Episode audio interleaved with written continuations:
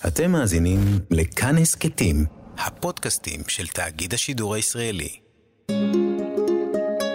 היסטוריה לילדים עם יובל מלכי. פרדה אקלום.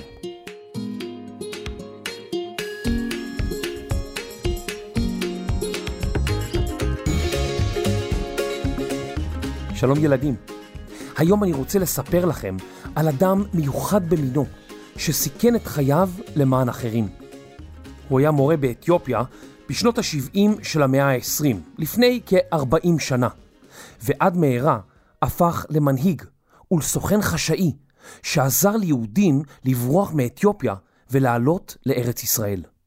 זהו סיפורו המרתק.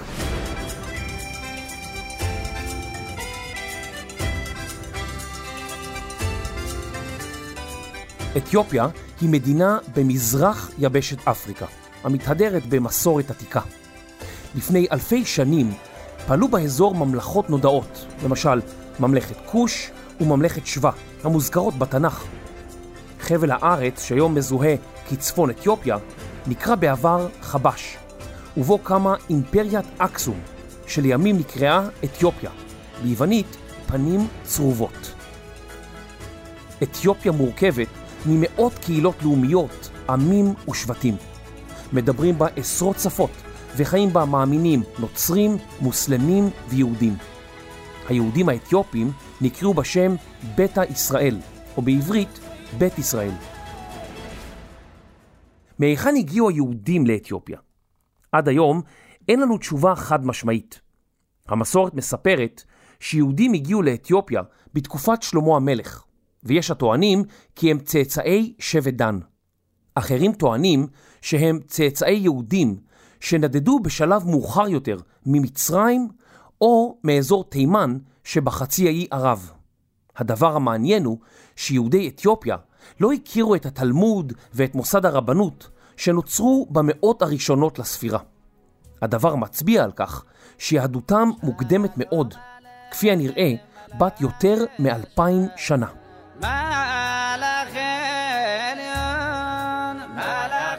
אנשי ביתא ישראל התגוררו בעיקר בכפרים מרוחקים על פני שטח גדול בצפון אתיופיה. הם התגוררו במאות יישובים כפריים. יהודי אתיופיה סבלו מאוד במהלך השנים. הם נרדפו בתקופות שונות, אסרו עליהם לרכוש אדמה, ולפני כ-140 שנה פקדו בצורת ומלחמות את צפון אתיופיה. וכמחצית מהקהילה, עשרות אלפי יהודים, נספו באסונות. לביתא ישראל כמעט לא היו קשרים עם קהילות יהודיות אחרות בעולם, ולכן רק חלק מההלכות היהודיות היו נהוגות בקרב יהדות אתיופיה. רק במאה ה-19 החלו להתהוות קשרים חדשים בין ביתא ישראל לקהילות יהודיות אחרות. עם הקמת מדינת ישראל, התחדשו הקשרים בינה לבין קהילת יהודי אתיופיה. יהודי אתיופיה אף תרמו כסף לשיקום הפצועים ממלחמת העצמאות של ישראל. במחוז טיגרי שבצפון אתיופיה, בשנת 1949, נולד פרדה אקלום. אבי המשפחה, יזזאו אקלום, היה איש עסקים מצליח ומשכיל. אמו של פרדה ניהלה את משק הבית ומכרה כלי חרס שייצרה בעצמה. פרדה היה הילד השני מתוך תשעה ילדים. בתקופת ילדותו של פרדה אקלום שלט באתיופיה הקיסר היילה סלאסי. לסלאסי היו קשרים חמים עם מדינת ישראל, ובצעירותו אף התגורר בירושלים. אולם הוא לא רצה שיהודי אתיופיה יעזבו, ולא אישר להם לעלות למדינת ישראל. כמו כל יהודי אתיופיה, חלמה משפחתו של פרדה לעלות לארץ ישראל ולהגיע לירושלים. השאיפה לעלות לארץ ישראל עברה באתיופיה מדור לדור. פרדה אקלום לא ידע אם אי פעם יוכל להגשים את המשאלה הזאת, אבל הוא קיווה בכל ליבו כי יגיע היום שבו יזכה לעלות עם משפחתו לישראל. אנשי ביתא ישראל התמחו במהלך השנים באומנויות כמו נפחות, הריגה וכדרות. אך פרדה אקלום בחר להיות מורה. הוא נסע לעיר הבירה של אתיופיה, אדיס אבבה, ולמד במכללה להוראה. לאחר סיום לימודיו, חזר למחוזות ילדותו, התמנה למורה, ואחר כך למנהל בית ספר. אקלום תכנן לבקר במדינת ישראל, אלא שאז, בשנת 1973, פרצה מלחמת יום הכיפורים. בלחץ המדינות הערביות, ניתקה אתיופיה את קשריה עם מדינת ישראל, והטיסות מאתיופיה לישראל בוטלו כליל. אקלום המשיך בעבודתו החינוכית. כדי לחזק את החינוך היהודי באתיופיה, הוא פנה לרשת אורט, והיא סייעה לו להקים שני בתי ספר ובית כנסת. בינתיים, בשנת 1974, התחלף השלטון באתיופיה במשטר צבאי. כוחות מהפכנים הדיחו את הקיסר היילה סלאסי והם גילו חוסר סובלנות לפעילותם של ארגונים יהודים באתיופיה. בנוסף, פרצו קרבות בין השלטון החדש לכוחות של מורדים שפעלו מתוך האזור שבו התגוררו רבים מבני בית הישראל. אנשי הקהילה היהודית בצפון אתיופיה נחשדו בשיתוף פעולה עם המורדים, והשלטון החדש החל להתייחס אליהם בעוינות. מצבם הפך מסוכן. השמועות על כך הגיעו גם למדינת ישראל. הסכם חשאי נרקם בינה ובין ממשלת אתיופיה. לפי ההסכם, ישראל תשלח לאתיופיה מטוסים עם כלי נשק ותחמושת, שישמשו את השלטון החדש, ובתמורה המטוסים ישובו לישראל מלאים ביהודים מקהילת ביתא ישראל. זו הייתה משימה סודית שרק מעטים נחשפו אליה. פרד אקלום הוכנס בסוד העניינים כדי שיסייע בהעברת בני ביתא ישראל לשדה התעופה באדיס אבבה. כך עלו ארצה 120 מיהודי אתיופיה. אלא שעד מהרה התגלה הסוד כאשר משה דיין סיפר על כך בגאווה בריאיון לעיתון. אתיופיה ניתקה את יחסיה החשאיים עם ישראל באחת, וכל מי שנחשד בשיתוף פעולה עם ישראל היה נתון בסכנה. פרדה אקלום נאלץ לברוח.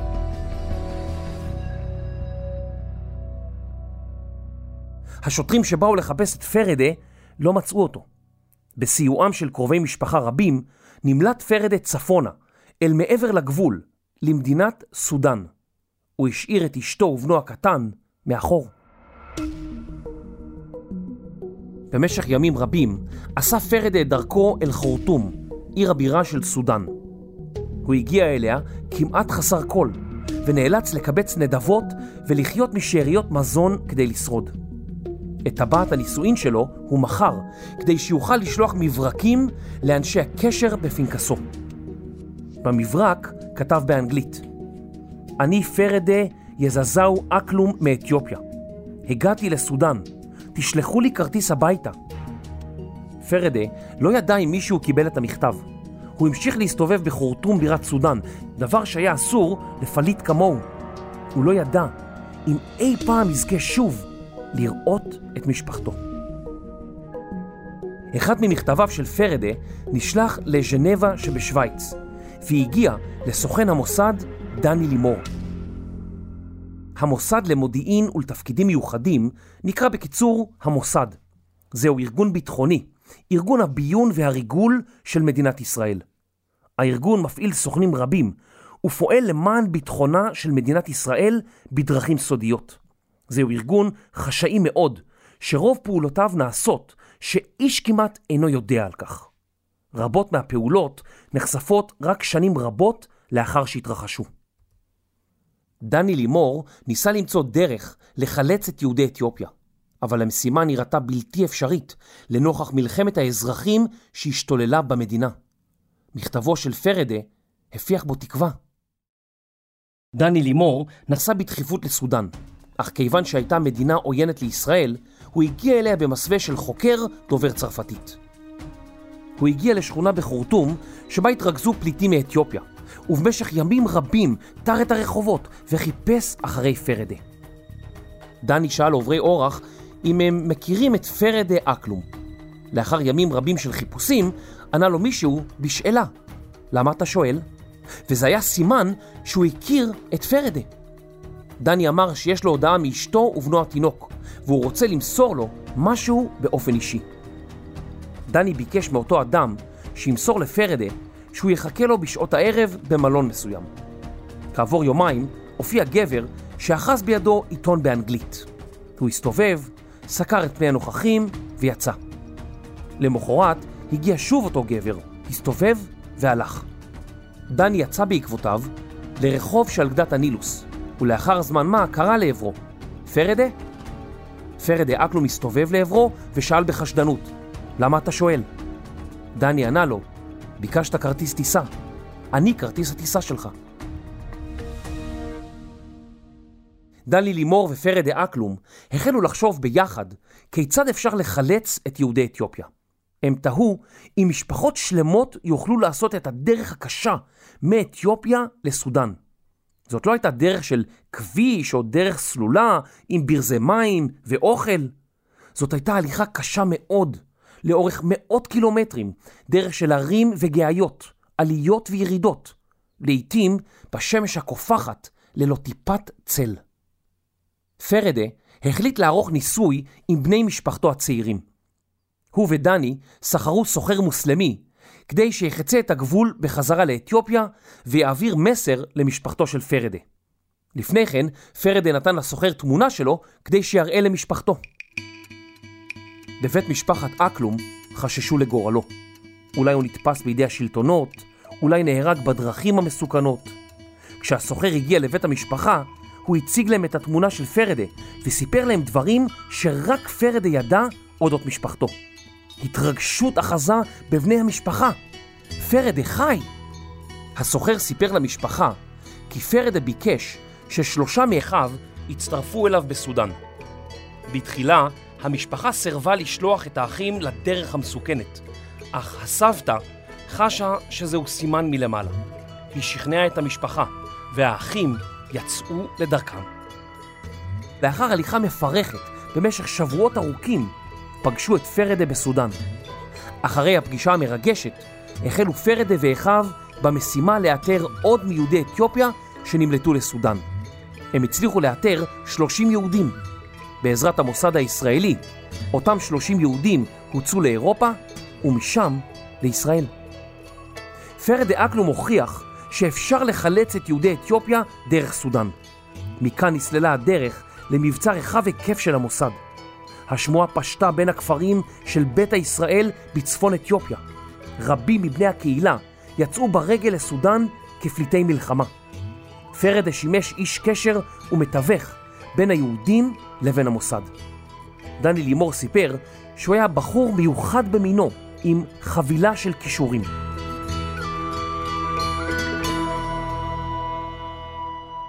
בשלב מסוים הבין דני לימור שפרדה מסתכן לא פחות ממנו, ואף יותר. הוא ביקש מהמוסד שיהפכו אותו ללוחם לכל דבר וישלמו לו שכר. המוסד התעקש שפרדה יגיע לארץ ויעבור קורס מיוחד. אך עד מהרה התברר להם שלפרדה היו את כל האינסטינקטים הדרושים להיות סוכן מוסד. הוא שוחרר מהקורס וטס חזרה לסודאן כלוחם מוסד. דני ופרדה איתרו את היהודים שהגיעו למחנות הפליטים והעבירו אותם בסודיות לחורטום בירת סודאן. בדרך לא דרך הם השיגו טפסים וחותמת של ארגון האו"ם שדאג לפליטים הרבים. דני ופרדה הנפיקו אשרות יציאה מהמדינה למאות יהודים. היהודים הוסעו לשדה התעופה, טסו לאירופה ומשם לישראל. בכל אותה עת, פרדה אקלום ודני לימור סיכנו את חייהם פעמים רבות. לדני ופרדה היה רכב בעזרתו נעו ממקום למקום.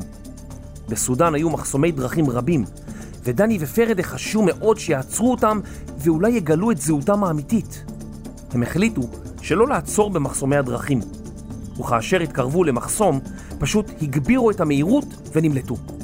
מדי פעם נורו לעברם יריות, אך הם המשיכו במשימתם. באחד הימים נעצר פרדה על ידי שוטרים, כיוון שלא היו לו אישורים לשהייה במדינה. הוא הוכה והושלך לכלא. דני לימור לא הצליח לחלצו, וביקש להצטרף אליו למעצר. השוטרים היו עמומים מכך שאדם בוחר לשבת בכלא מרצונו. דני חשש שאם ייפרד מפרדה, ייתכן שלא יראה אותו שוב. במשך עשרה ימים ישבו השניים בכלא, עד שדני לימור הצליח להעביר מסר לאישיות בכירה, מצרי שעבד בסוכנות הפליטים של האו"ם, והוא הצליח להביא לשחרורם. דני ופרדה החליטו לבדוק דרך נוספת להעלאת יהודי אתיופיה, דרך ים סוף. השניים גילו כי ישנו כפר נופש נטוש לחופי ים סוף בסודאן. הם תכננו להפוך אותו לכפר סודי, שבו יפעלו ישראלים כדי להעלות את יהודי אתיופיה דרך הים, בעזרת חיל הים והקומנדו הימי של ישראל. המוסד גייס אנשים רבים שהיו בעלי חזות אירופאית, או דיברו בשפות זרות כשפת אם. את כפר הנופש ניהלו נשים בשם יולה וגילה. היה זה כפר נופש לכל דבר.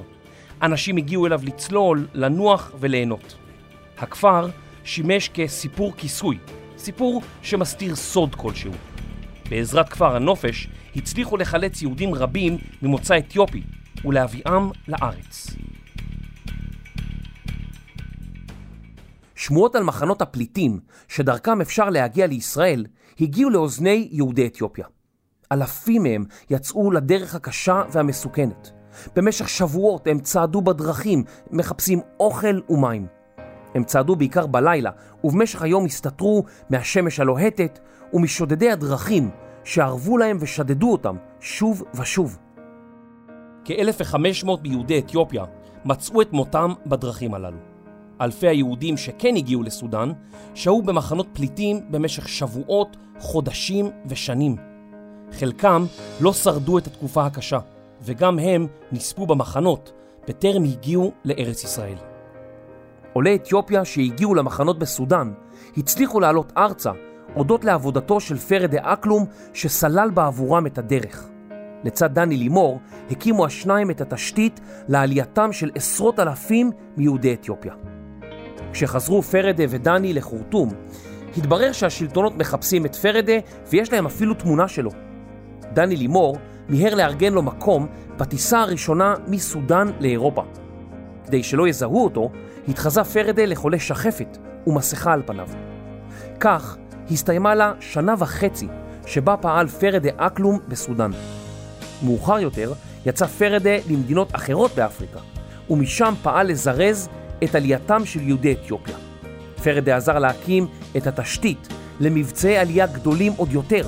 בעזרתם יגיעו ארצה עוד עשרות אלפים מיהודי אתיופיה.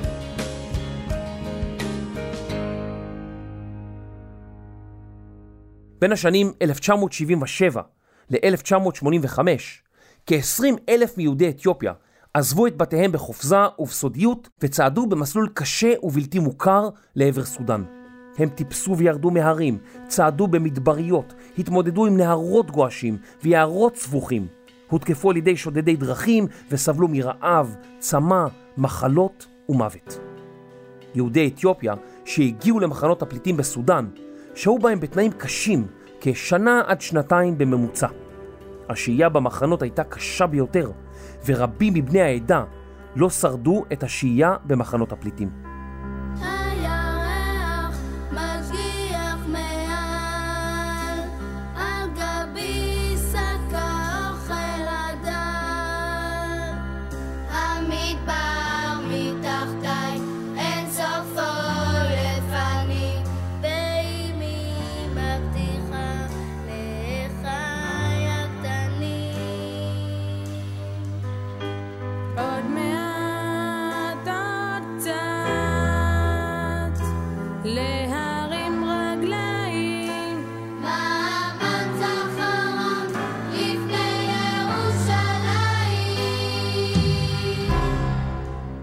פרדה אקלום הגיע לישראל כמו שתמיד חלם.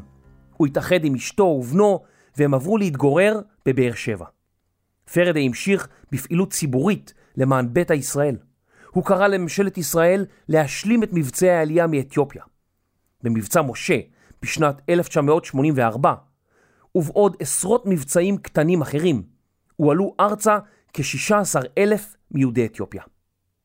בשנת 1991, מבצע גדול נוסף, מבצע שלמה, הביא לארץ עוד כ-15 אלף מיהודי אתיופיה.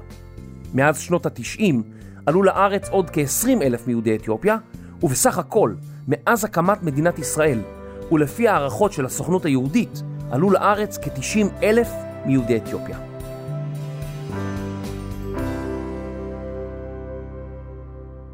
פרדה אקלום נפטר בשנת 2009. הוא נקבר בבית העלמין בבאר שבע.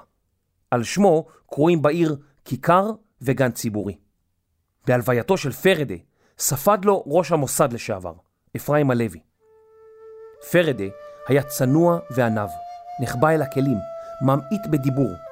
אדם שמעורר אמון במבט עיניו, בביטחון העצמי שלו, בנכונות האישית לסכן את עצמו, כדי להביא את אחיו ואחיותיו לארץ המובטחת. בעלייה של יהודי אתיופיה, פרדה בלט כראשון בין רבים אחרים. הוא היה לדוגמה ולמופת. דני לימור, שפעל יחד עם פרדה במשך תקופה ארוכה, אמר עליו כי בלעדיו שום דבר לא היה קורה. עליית יהודי אתיופיה מסודאן לא הייתה מתרחשת וסוללת את הדרך לאלפים שבאו בעקבותיהם. סיפורם של יהודי אתיופיה שהגיעו לארץ בעזרתו של פרדה הוא סיפור המזכיר יציאת מצרים מודרנית. למרות הדרך הקשה, בחרו יהודי אתיופיה לצאת אליה, בתקווה שבסופה יגיעו לירושלים. אפשר ללמוד מהם רבות על ציונות, על אהבת הארץ ועל חלום בן אלפי שנים שהתגשם. בריאיון שנערך עמו אמר פרדה אקלום עברתי הרבה סבל וקשיים בחיי. היום אני בישראל, אב לשמונה ילדים, ובעיניי זה יקר מפז. הציפייה שלי היא שיהיה דור שימשיך אותנו. אנחנו הבאנו אותם לישראל. אני מצפה שנוכל להתגאות בהם, שילמדו את התרבות ואת ההיסטוריה, ושיוכלו להעביר אותה לדורות הבאים.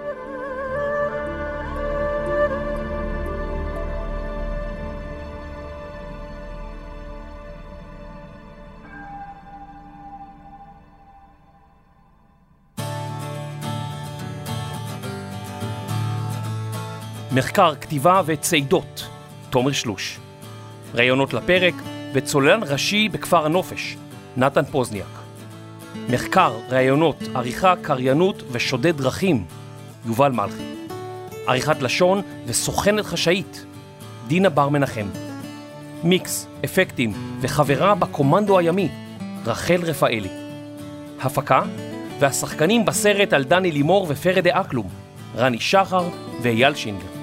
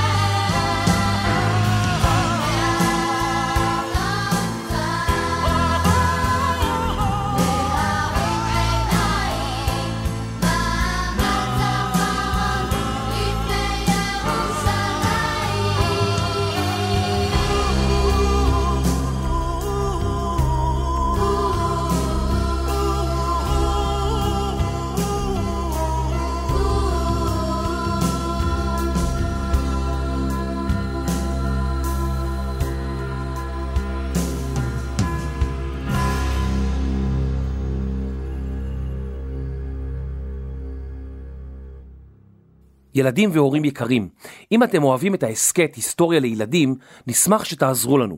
דרגו אותנו בכל חנויות האפליקציות, ברשימת הפודקאסטים של אפל, בספוטיפיי ובכל מקום שאתם יכולים לדרג אותנו. רוצים לדבר איתנו? כנסו לקבוצת הטלגרם שלנו, היסטוריה לילדים. רשמו לנו מה חשבתם, העירו לנו הערות, שילחו לנו הצעות לפרקים, ותוכלו להתעדכן בפרקים חדשים ובאירועים קרובים. תודה רבה.